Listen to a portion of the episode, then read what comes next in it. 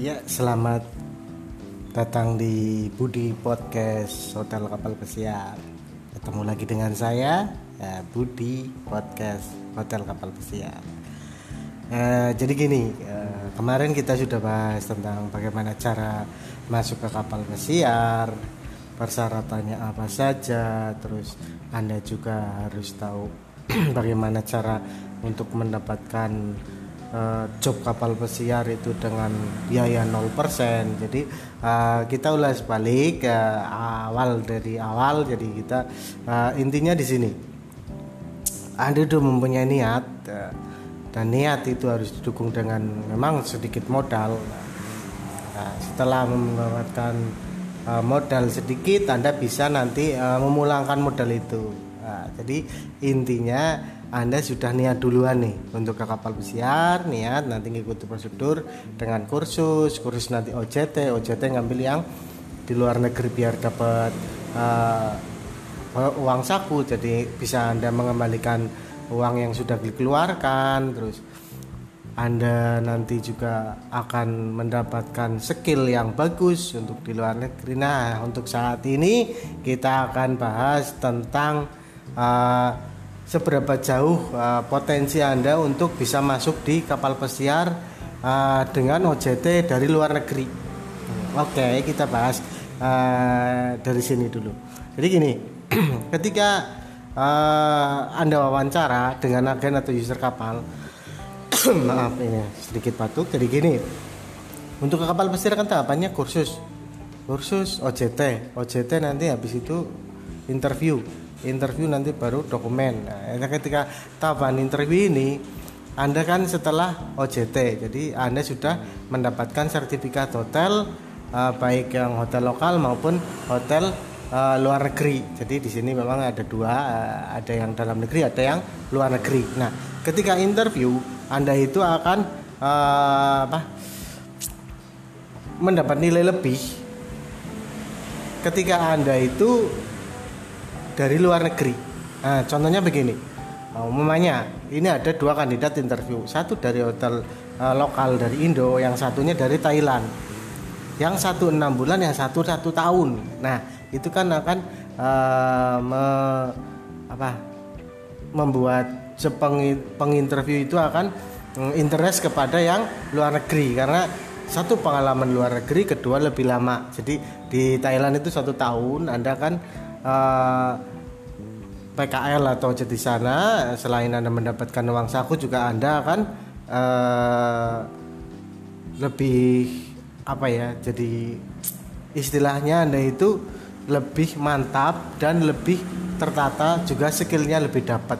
Karena anda itu merantau jauh satu kedua di luar negeri di luar negeri jelas uh, tatanan dan kehidupan beda dengan Indonesia. Dan yang terutama adalah kedisiplinan. Jadi kalau orang luar negeri pasti uh, satu disiplin tinggi. Uh, itu yang memang uh, akan anda dapatkan ketika anda interview eh, kita ketika anda OJT di luar negeri dan uh, interview dengan agen.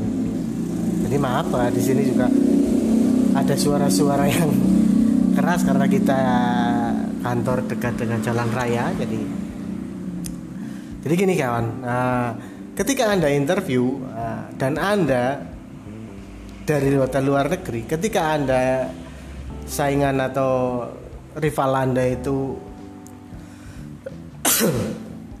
maaf tuh uh, jadi rival anda itu dari hotel lokal uh, itu anda akan uh, lebih pede satu. Kedua agen juga akan melirik anda duluan. Nah kenapa melirik anda duluan? Karena anda pengalamannya lebih bagus hotelnya lebih bagus kemungkinan uh, anda juga pasti akan uh, betah kerja di kapal karena anda sudah uh, pergi ke luar negeri. Intinya kan kayak gitu. Nah, jadi anda itu uh, udah betah lah satu tahun di sana. Padahal paling lama kerja di kapal itu kan 10 bulan. Jadi ada kapal memang yang 8 bulan pulang cuti di rumah dua bulan. Ada kapal yang 10 bulan cuti di rumah dua bulan. Jadi hmm, kemungkinan anda untuk dapat itu lebih besar uh, peluang untuk mendapatkan job itu lebih besar karena uh, dari uh, kelulusan anda nah untuk ke kapal pesiar itu beda dengan apa job-job seperti hotel hotel darat ataupun uh, job-job luar negeri yang ada di darat. Jadi di hotel kapal pesiar itu tidak ada kata tidak lolos ataupun tidak lulus. Nah, karena di sini nggak ada tes, yang ada interview. Karena anda di interview nanti, ya pastinya kalau dari luar negeri anda kan bahasa Inggrisnya bagus.